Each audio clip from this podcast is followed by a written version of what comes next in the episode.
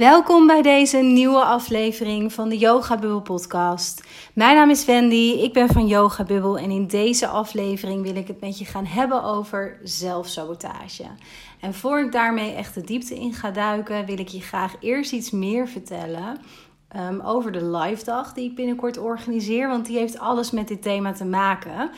Um, op vrijdag 26 augustus aanstaande organiseer ik namelijk een prachtige live dag, al zeg ik het zelf, over dus zelfsabotage, oude patronen doorbreken en vooral dat echt op een diepgaande manier structureel leren doen. Ze gaan tijdens die dag heel erg met elkaar aan de slag. Om niet alleen op cognitief niveau inzicht te krijgen in, nou ja, eigenlijk hoe je uitgekomen bent waar je nu bent. En wat precies je oude patronen, oude overtuigingen zijn, beperkende overtuigingen ook vooral. Maar we gaan ook vooral aan de slag met hoe ga je dat nou daadwerkelijk vanuit dat cognitieve niveau, vanuit het weten hoe alles in elkaar zit voor jou, hoe ga je dat nou echt vertalen naar jezelf ook iets anders gunnen?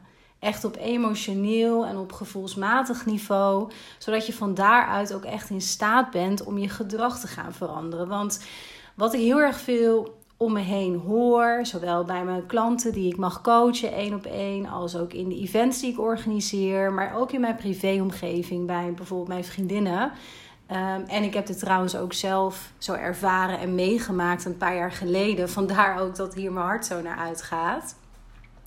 Dat is dat je um, zeg maar op, op cognitief niveau, dus in je hoofd, heel goed begrijpt welke oude patronen je hebt. Je weet bijvoorbeeld van jezelf, hè, om het even als voorbeeldje te gebruiken, dat je een pleaser bent. Of je weet bijvoorbeeld van jezelf dat je heel erg de neiging hebt om jezelf steeds te willen bewijzen. Of altijd maar heel perfect alles te willen doen.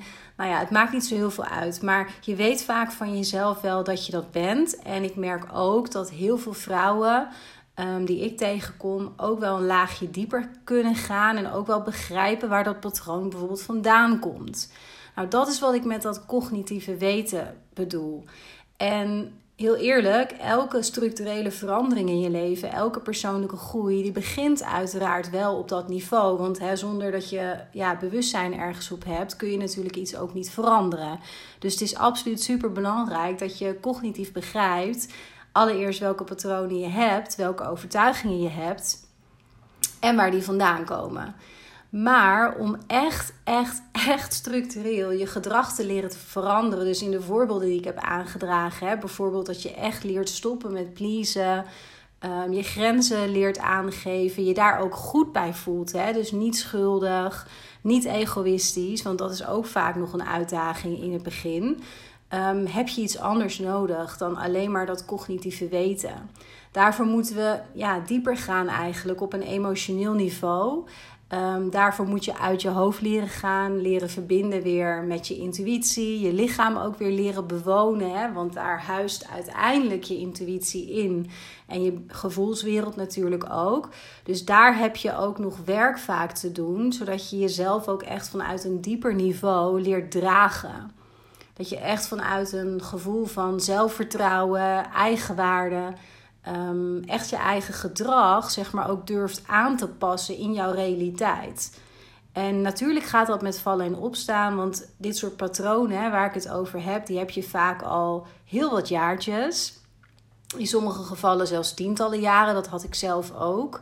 Dus het kost tijd, het kost training en het kost steeds weer opnieuw je ergens bewust van zijn om dit soort gedragingen aan te passen. Maar ik heb ondertussen echt geleerd dat het duizend procent mogelijk is. Want ik ben daar zelf het voorbeeld van. De dames die ik mag begeleiden zijn daar het voorbeeld van. Dat het echt 100%, duizend procent mogelijk is om dit soort patronen te veranderen. Zodat jij gewoon het leven mag leven en kunt gaan leven waar jij blij van wordt. En dat betekent natuurlijk niet dat je dan nooit meer aan een ander denkt of zo. Want dat is helemaal niet wat ik hiermee bedoel. Alleen op het moment dat jij dus, om weer dat voorbeeld eh, te gebruiken, bij jezelf merkt: ja, ik please mezelf best wel een slag in de ronde. Ik wil het altijd anderen naar de zin maken.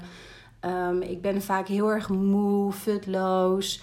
Um, ik sta met weinig energie op. Ik weet soms niet meer um, wie ik eigenlijk zelf ben, wat ik voel, wat ik denk. Nou, dan denk ik dat je jezelf gewoon echt enorm tekort doet. Echt enorm. Want je bent hier niet in dit leven gekomen, in mijn beleving, om jezelf alleen maar aan te passen aan anderen en alleen maar naar verwachtingen te leven. Je mag jezelf gunnen dat wat dat ook maar voor jou betekent, hè, maar dat jij jouw allermooiste leven kunt creëren. En dat je dat mag leiden en dat je keuzes mag maken die daarbij kloppen, die daarbij passen voor jou. Die echt gewoon vanuit een ja, dieper weten bijna, hè? gewoon dat je van daaruit zeg maar dingen in de realiteit neerleert zetten. Nou goed, eventjes terug naar die live dag. En dan ga ik verder met de, de inhoud van zelfsabotage. Want dat gaan we tijdens die dag nou concreet verder doen. De exacte invulling, dat blijft nog een beetje verrassing. Want dat is onderdeel van de enorme transformatie die je tijdens die dag gaat maken met mij samen. En een kleine groep uh, mooie vrouwen. We zijn dus inderdaad met een kleine groep, omdat ik het super belangrijk vind dat er heel erg veel ruimte, tijd is om met elkaar te verbinden. En dat ik ook alle ruimte en tijd heb om één op één met je te werken tijdens die dag. Ehm, de dag die zal ongeveer starten rond half tien, tien uur. En we gaan door tot een uurtje of vijf. En tijdens deze dag ga je gewoon heel erg veel allereerst leren over wie jij bent, waar je patronen, je overtuigingen en dergelijke vandaan komen. Eigenlijk welk oud verhaal jij vaak onbewust elke dag opnieuw repeteert voor jezelf. In je hoofd, in je handelingen, in je gedragingen, in het voelen, in alles. En daarna gaan we ook tijdens deze live dag echt de slag leren maken van wat is nou jouw nieuwe verhaal. Waar wil je nou naartoe? En waar ben je ook onbewust bezig met jezelf steeds te saboteren? Hè? Om maar te voorkomen eigenlijk dat je gelukkig bent. Want dat is ook vaak wat er nog speelt. Daar ga ik dadelijk in de podcastaflevering iets meer over vertellen. Dus daar gaan we echt een hele mooie slag in maken. We gaan mooie opdrachten samen doen. Uh, er zitten ook een paar hele mooie individuele opdrachten bij. Ik ga je heel veel tools aanreiken waarmee je gewoon voor jezelf echt kunt leren verbinden met wie jij bent van binnen. Dus niet vanuit je hoofd, maar echt vanuit je lichaam, vanuit je intuïtie.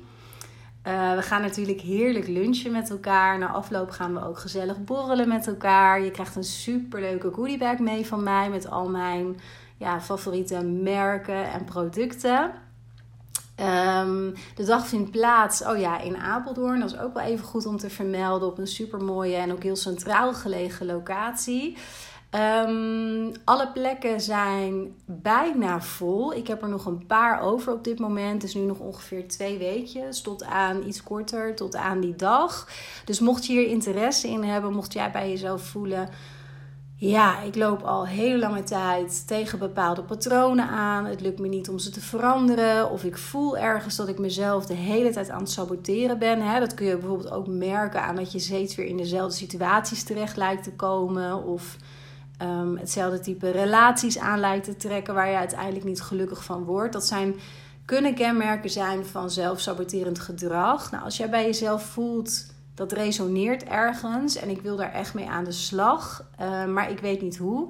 Dan raad ik je aan om echt over deze dag na te denken. Dan mag je me even mailen op wendy.yogabul.nl. Want dan stuur ik je graag even wat meer informatie toe over de dag. En dan kun je bepalen of je erbij wilt zijn. Um, er is verder op mijn website geen informatie over deze dag te vinden, omdat ik het dus heel klein en intiem wil houden. Um, dus mail me nogmaals even als je hier interesse in hebt. Dan uh, stuur ik je heel graag meer informatie toe. Ik zal mijn mailadres ook nog eventjes in de show notes uh, plaatsen straks. Goed, dan gaan we verder met uh, de aflevering, met deze podcastaflevering over dus patronen eigenlijk, hè, die kunnen aangeven, die kunnen duiden dat je te maken hebt met zelfsabotage. Um, allereerst, voordat we naar die patronen gaan, eventjes kort van wat is eigenlijk zelfsabotage. Want dat is natuurlijk zo'n woord wat je vandaag de dag steeds meer hoort eigenlijk. Tenminste, ik heb dat idee wel. Maar wat is het eigenlijk? Nou, zelfsabotage betekent eigenlijk, hè, nou het woord zegt natuurlijk al, hè, je saboteert jezelf, vaak heel erg onbewust. Er komt vaak een hele hoge mate van onbewust leven bij kijken. Um, maar wat het vaak is, is dat je, je wilt vaak X, maar je doet Y omdat dat nu simpelweg is wat je kent, wat bekend is voor jou, wat in die zin tussen aanleidingstekens veilig voelt voor jou. dus Je wilt bijvoorbeeld heel erg dat mensen van je houden, als voorbeeldje, om wie jij bent, gewoon zoals je bent. Maar je bent van vroeger uit, om datzelfde voorbeeld van net weer even aan te halen, bijvoorbeeld heel erg gewend geweest om te pleasen, om jezelf aan te passen aan anderen. En dus blijf je jezelf steeds aanpassen en ander gedrag vertonen, omdat je dan dus het gevoel hebt dat je er mag zijn en dat mensen van jou houden. Maar ik hoop dat je hoort in dit voorbeeld, dat is precies dus de sabotage die plaatsvindt. Want eigenlijk wil je dat mensen van jou houden om wie jij bent. En dat je daar verder niets voor hoeft te doen. Dus dat er onvoorwaardelijk van je wordt gehouden. Maar omdat jij niets anders kent dan voorwaardelijke liefde, dan jezelf aanpassen aan die ander. En dan ben je pas goed genoeg om van te houden. Blijf je dus vaak onbewust, als je dus daar geen bewustzijn op hebt, blijf je jezelf dat elke keer dat gedrag vertonen zodat je maar niet, want dat is uiteindelijk wat eronder zit, de potentiële afwijzing hoeft te voelen van iemand. Ehm, nou ja, die niet zo lekker gaat als jij niet meer voldoet aan zijn of haar verwachtingen. Dus die jou dan misschien potentieel kan laten vallen als een baksteen, of kritiek heeft, of een conflict met jou aangaat, of wat dan ook. Want dat is uiteindelijk wat er onder dat zelfsaboterend gedrag vaak zit. Hè? Dat we dus heel bang zijn Ehm, ja, voor de consequentie van het niet meer vertonen van dat oude gedrag. En wat hier ook wel even goed bij te vermelden is, vind ik, is dat um, het zelfsaboterend gedrag, de patronen die je daarin vaak laat zien, die zijn heel vaak voor jou eigenlijk helemaal niet zo goed, niet zo gezond. Uh, nou ja, welk woord je het ook maar geeft. Dus in die zin zou je kunnen zeggen: ja, hoezo Wendy is dat dan veilig? Maar het gaat er niet zo om of het daadwerkelijk, zeg maar, objectief beschouwd veilig gedrag is voor jou en gezond gedrag is voor jou. Het gaat erom wat voor jou bekend is. Het gaat erom wat jij misschien al wel 20, 30 jaar gewend geweest bent. En dat wat we kennen, dat. Ehm, hoe zeg ik dat? Dat typeert ons brein, ons ego, als uh, veilig. Want bekend uh, is comfortabel, is veilig. En ook al is dat bekende een patroon wat voor jou in het hier en nu, en misschien wel nooit, hè, maar zeker in het hier en nu niet meer dienend is, niet meer gezond, het brengt je niet meer verder, het beperkt je vaak zelfs. Dat wil niet zeggen dat je ja, dat het dan niet veilig is op dat ego-niveau, zeg maar. Hè? Dus ik hoop dat je dat ook eventjes um, ja, mee kunt nemen, zeg maar, in je achterhoofd als je verder luistert naar deze podcast of straks aan het einde van deze aflevering wellicht voor jezelf even gaat onderzoeken, gaat opschrijven van hey, hoe zit het eigenlijk voor mijzelf in elkaar. Goed, er zijn heel veel patronen uh, natuurlijk. Hè? En er zijn ook, denk ik, nog veel meer patronen dan die ik nu met je ga bespreken. Die kunnen duiden op zelfsabotage. Maar ik heb er een aantal uitgekozen die ik uit mijn persoonlijke leven uh, heel goed kan toelichten. Omdat ik dat zelf, dat gedrag altijd heb vertoond. Um, en ik heb ook patronen uitgezocht die ik gewoon heel erg vaak hoor bij de dames die ik één op één coach. En die we dus ook echt afpellen met elkaar en los gaan laten, in het verleden gaan laten en echt om gaan buigen naar gezonde en voedende en verrijkende patronen eigenlijk. Dus ik denk, ik hoop dat je hier ook voor jezelf misschien wat herkenning uit kunt halen en dat het dan ook wat duidelijker voor jezelf wordt waarom er misschien Ehm, ja, waarom je zeg maar onbewust ergens wel aanvoelt van hé, hey, misschien ben ik ergens aan het saboteren, ben ik mezelf ergens aan het saboteren of dingen lopen niet lekker en dat dit dan wellicht je een beetje wat houvast kan geven ehm, in wat er eigenlijk aan de hand is. Goed, het eerste patroon, nou, ik heb dat al een paar keer nu in deze aflevering eigenlijk benoemd, maar het is ook een heel veel voorkomend patroon, zeker onder vrouwen. Um, dat is pleasen. En je mag dat ook wat breder zien, hè? want de een die voelt zichzelf totaal geen pleaser, maar die zou wel over zichzelf zeggen: ja, ik uh, cijfer mezelf weg, ik zet mezelf vaak op de laatste plaats, ik vind het heel belangrijk dat andere mensen gelukkig zijn. Um, dat valt voor mij allemaal onder het kopje please in dit geval even. Dus het maakt even niet uit um, in welke hoedanigheid je dit herkent. Nou, wat ik net al even vertelde, als je um, als je van jezelf de neiging hebt om te pleasen, dan ben je dus de hele tijd bezig met jouw gevoel van eigenwaarde buiten jezelf te leggen. Want je hebt de hele tijd een bevestiging nodig van de externe omgeving dat jij goed bent zoals je bent, want anders zou je niet pleasen. Want je vertoont dan namelijk gedrag um, waarvan jij inschat dat die ander dat graag wil zien. ik heb bijvoorbeeld voor mijzelf, als je meer afleveringen van uh, mijn podcast hebt beluisterd of op een andere manier, uh, bijvoorbeeld mijn Instagram of zo, mij volgt, dan weet je wel dat ja, ik ben echt uh, de eerste 30 jaar van mijn leven een enorme pleaser geweest. Enorm.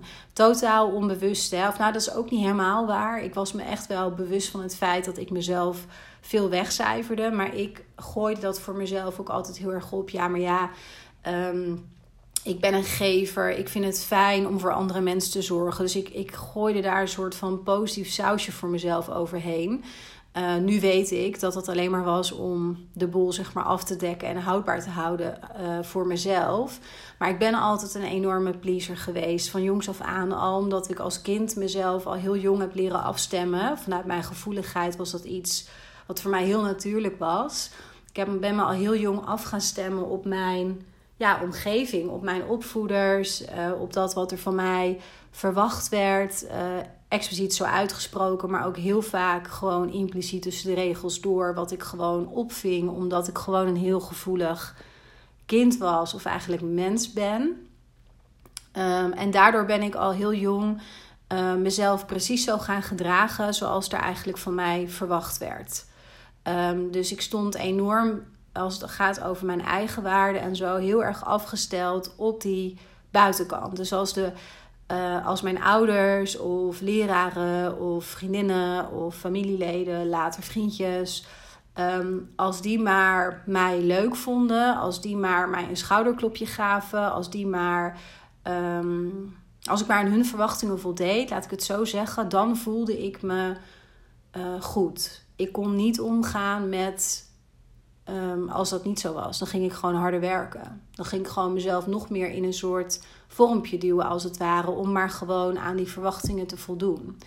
Terwijl het zelfsaboterende in, hierin was en is, denk ik voor heel veel mensen uh, hetzelfde daarin. Dat ik niets liever wilde. Ik hunkerde intens naar onvoorwaardelijke liefde. Naar gewoon iemand die nou, van mij hield zoals ik ben. En begrijp me niet verkeerd, hè. Het is niet zo dat, uh, dat het in mijn jeugd... dat mensen niet van mij hebben gehouden zoals ik ben... als, als echt als Wendy, zeg maar, zonder dat patroon. Want kijk, een kind gaat ook uh, bepaalde conditioneringen pikt het ook op, doordat het ook eigen verhalen gaat creëren. Dus het is echt niet zo dat hè, bijvoorbeeld mijn familie niet van mij hield om wie ik ben.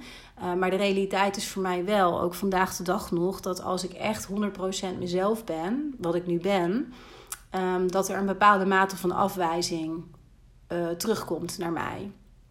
Omdat dat iets is wat.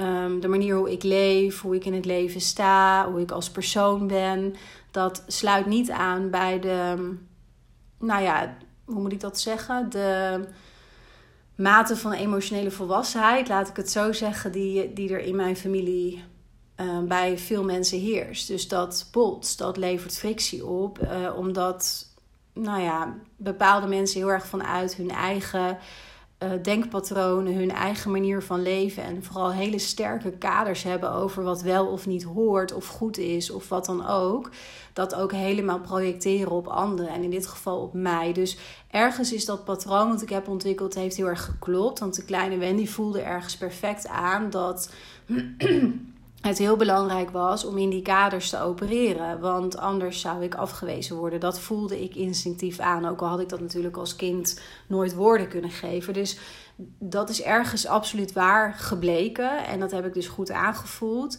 De andere kant is dat ik ook wel echt geloof dat elk kind, elk mens ook zijn eigen verhalen creëert. Die ook niet altijd inderdaad waar hoeven te zijn. Het is gewoon op een gegeven moment ontwikkelt zich dat uh, beland je onbewust in een patroon. En voor je het weet ben je 20 jaar verder met datzelfde patroon. En blijkt dat als je dat gesprek eerlijk aangaat, want deze voorbeelden ken ik ook te over. Um, dat het helemaal niet zo is voor die ander dat jij je zo hoeft te gedragen. Dat die persoon wel degelijk onvoorwaardelijk van jou houdt. Dus um, teruggeven naar dat zelfsaboterende stuk. Hè. Um, je wilt eigenlijk met pleasen, wil je eigenlijk dat um, mensen gewoon onvoorwaardelijk van je houden. Je hunkert ook naar die, die goedkeuring, die bevestiging in wie jij bent.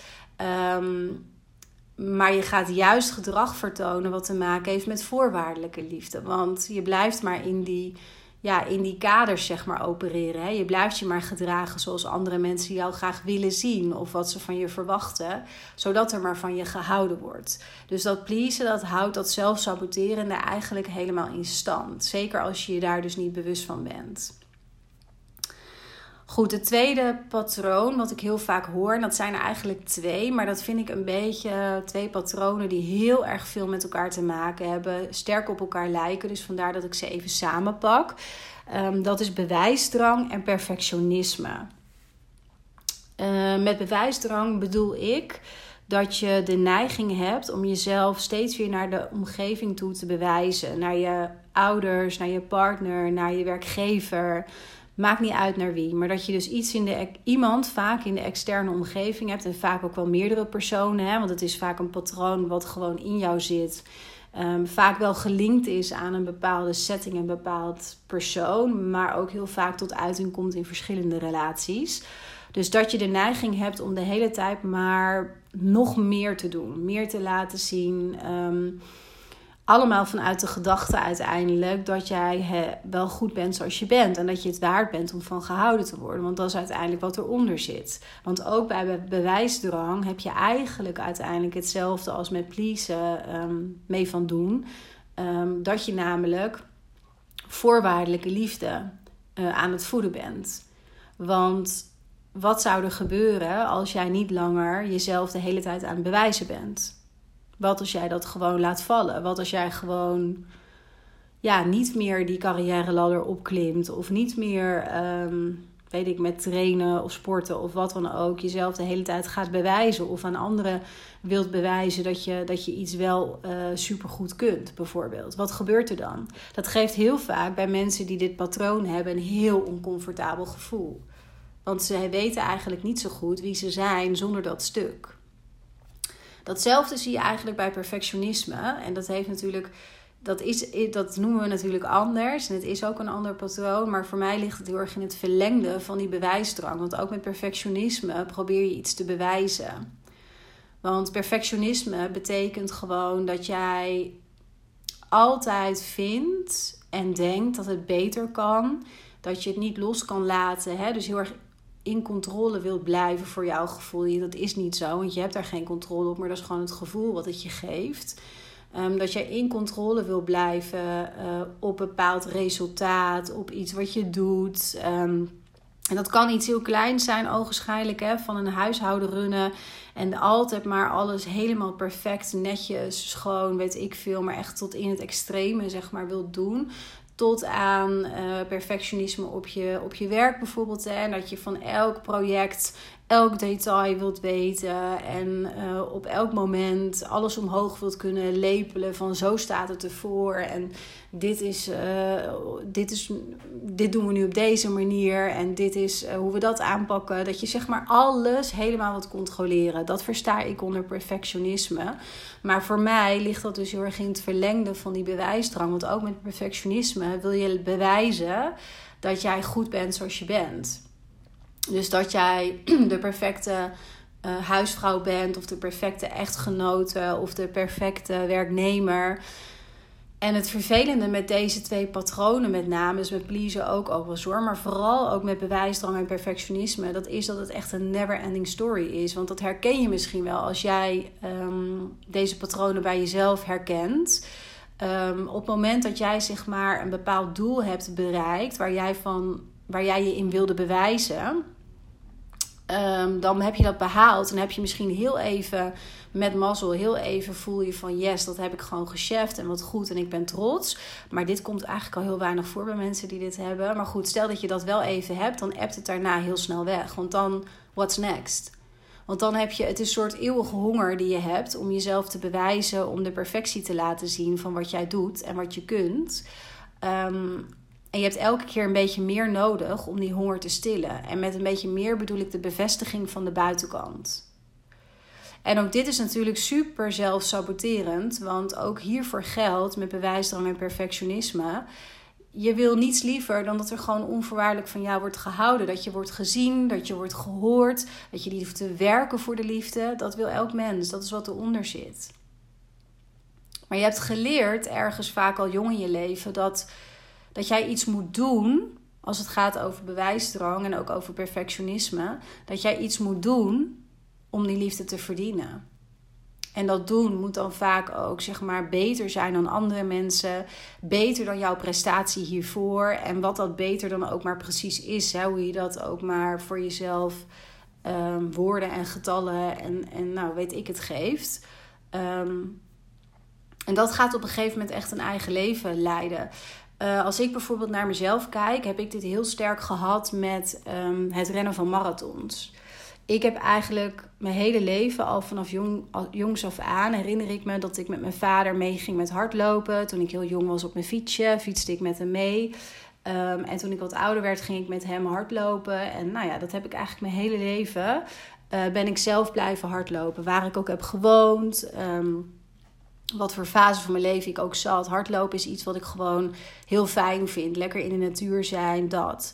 Ik heb alleen een heel groot deel van mijn leven. Um, ja, is dat twee keer per week geweest, ongeveer 10 kilometer. En misschien denk je nou, oh, vet ver. Maar voor mij was dat dan een soort ja, basis, zeg maar. Hè, wat ik gewoon heel prettig vond. En er zat voor mij eigenlijk de eerste, laat ik zeggen, 25 jaar niet echt een wedstrijdcomponent aan. Want mijn vader liep ook hard voor zijn plezier. En die was daar ook, die liep wel wedstrijden overigens. Maar die heeft nooit daarin een druk of zo bij mij neergelegd. Niks. Het was gewoon voor het plezier en voor de gezondheid. Toen kreeg ik een relatie. Uh, op een bepaald punt in mijn leven met iemand die extreem sportief uh, was en is. Um, en die zelf ook daar heel veel waarde aan hechtte uh, vanuit een bepaalde bewijsdrang die hij zelf daarop had zitten. Um, en mij ook daarin begon te pushen om datzelfde gedrag te gaan vertonen. Omdat ik al van mezelf dat pleasende erin had en dat je eigen waarde een beetje buiten jezelf leggen, het nodig hebben dat andere mensen um, nou, jou bevestigen in het goed genoeg zijn als het ware. Um, ja, was er een soort van zaadje ook met die bewijsdrang wel in mij geplant. Um, en toen ging ik op een gegeven moment al heel snel uh, veel meer hardlopen. En veel meer hardlopen werden halve marathons. En halve marathons werden hele marathons. En hele marathons werden steeds snellere marathons moeten rennen.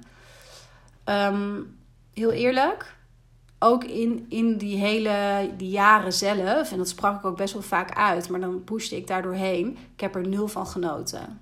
Echt niet. En je zou nu denken, ja, waarom doe je dat in godsnaam? Ja, nu kijk ik daar ook echt naar. Dat ik denk, jeetje Wendy, wat was je buiten jezelf? Wat heb je je laten pushen? Uh, maar dat had bij mij allemaal te maken met dus dat ik me wilde bewijzen naar mijn partner Um, van kijk, ik kan dat ook. En um, ik kan wel die vrouw zijn die jij graag wil dat ik ben. Dat zat er uiteindelijk echt onder. En ik wilde niets liever dan gewoon 10 kilometer lekker lopen. Gewoon mijn loopje zoals ik dat prettig vind, twee keer per week.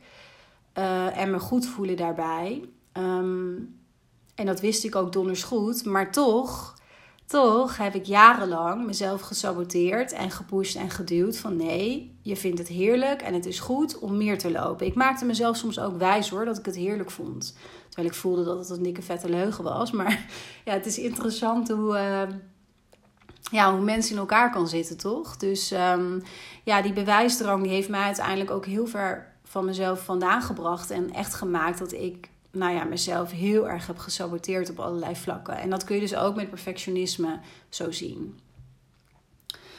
Goed, het derde patroon, wat ik heel erg veel tegenkom en waar ik zelf ook um, heel veel herkenning in vind, um, dat je zeg maar te maken hebt met zelfsabotage, dat zit meer op relationeel vlak.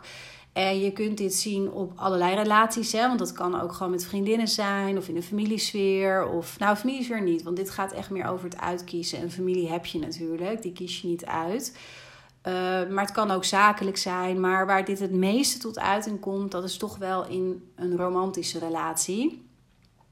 En dat is dat je onbewust, emotioneel onbeschikbare, ontoegankelijke partners uitzoekt.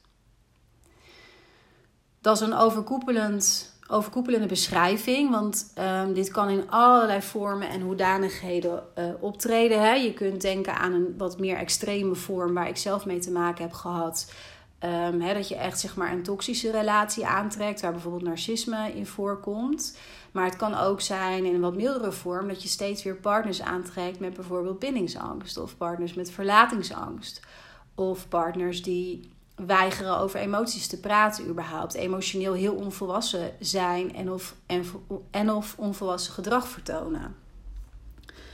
Um, wat hier aan de hand is, is dat je vaak zeg maar op een jonge leeftijd uit contact bent gegaan met je emoties. En je bent opgestegen als het ware naar je hoofd. Je bent heel erg vanuit je hoofd gaan leven. Omdat er, wat ik heel vaak hoor op dit vlak van de vrouwen met name die ik één op één coach, dat deze vrouwen allemaal een andere achtergrond hebben uiteraard, maar allemaal zijn opgegroeid in een emotioneel onvolwassen omgeving.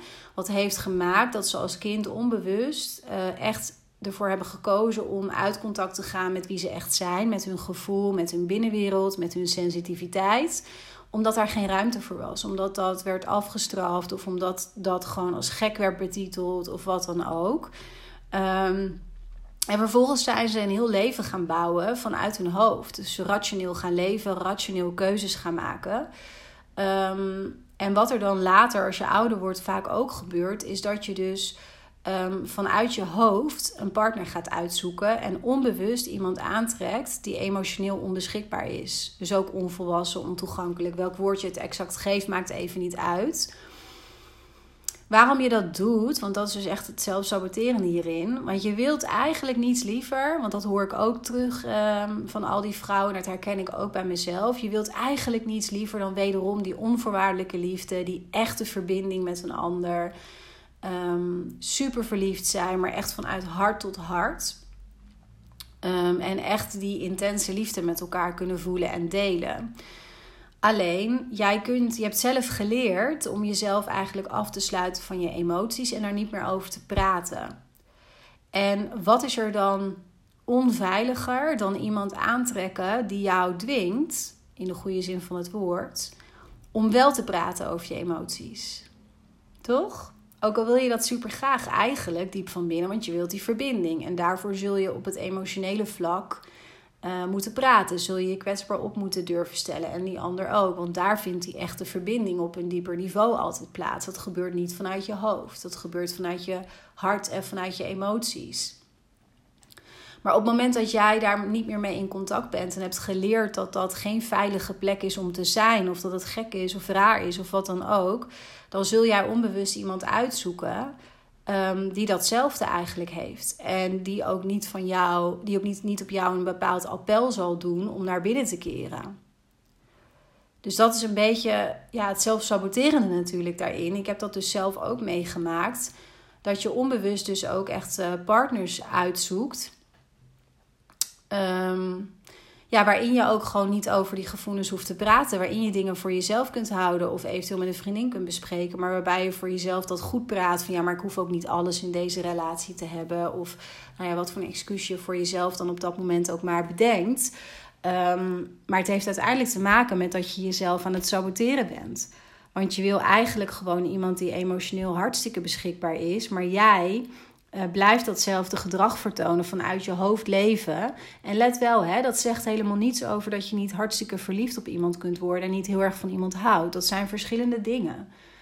Maar ik hoop dat je begrijpt, het verschil een beetje ertussen begrijpt, dat op het moment dat jij je niet open durft te stellen en niet kwetsbaar durft te zijn in die relatie en niet echt je grenzen aan durft te geven of um, nou, over spannende onderwerpen durft te praten of wat dan ook, als je je hart dus niet echt op tafel durft te leggen, ja, dan zul je daarin nooit de verbinding vinden met elkaar, want ja, daarvoor heb je dat stuk nodig. En dat is ook heel vaak, um, nou zeker ook met de dames die je coach, is dit zeg maar een heel essentieel, wezenlijk onderdeel.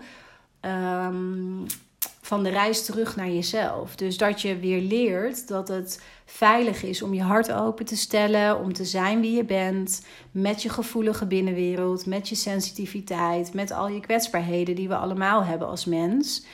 En dat het oké is om dat te delen met een ander mens. En dat je dus iemand aan mag gaan trekken vanuit dat stuk die dat ook kan ontvangen. Die daar met respect en met zorgvuldigheid mee omgaat.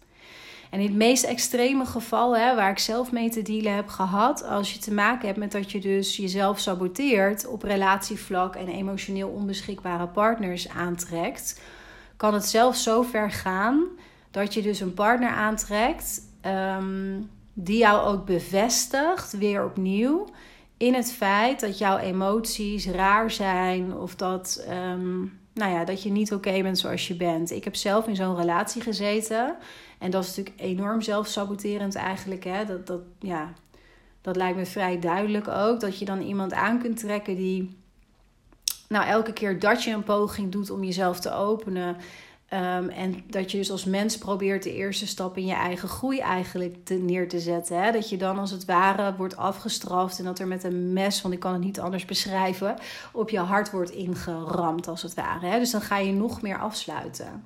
Je wordt elke keer dan weer bevestigd in dat wat je onbewust als een bepaald patroon en een bepaalde overtuiging met name aan hebt genomen. Namelijk dat het niet veilig is om jezelf te zijn en dat jij niet oké bent zoals je bent en dat je te gevoelig bent of nou ja, wat dan ook. Dus dat is heel zelfsaboterend.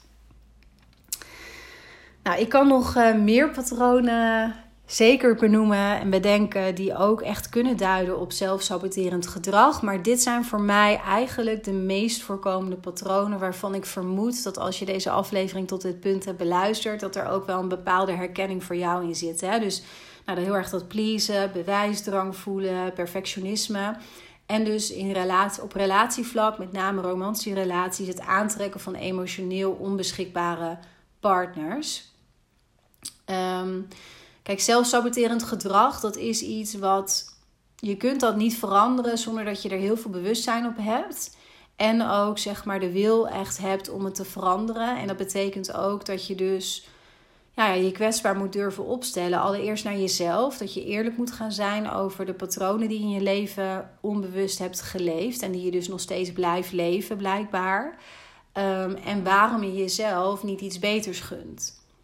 En pas als je daar eerlijk over gaat zijn naar jezelf en daar ook helingwerk voor jezelf in gaat doen, ehm, dan zul je echt in staat zijn om dat los te gaan laten en om nieuwe patronen ervoor in de plek te zetten. Met vallen en opstaan nogmaals. Want wat ik al in de introductie zei, dat kost tijd, het kost training.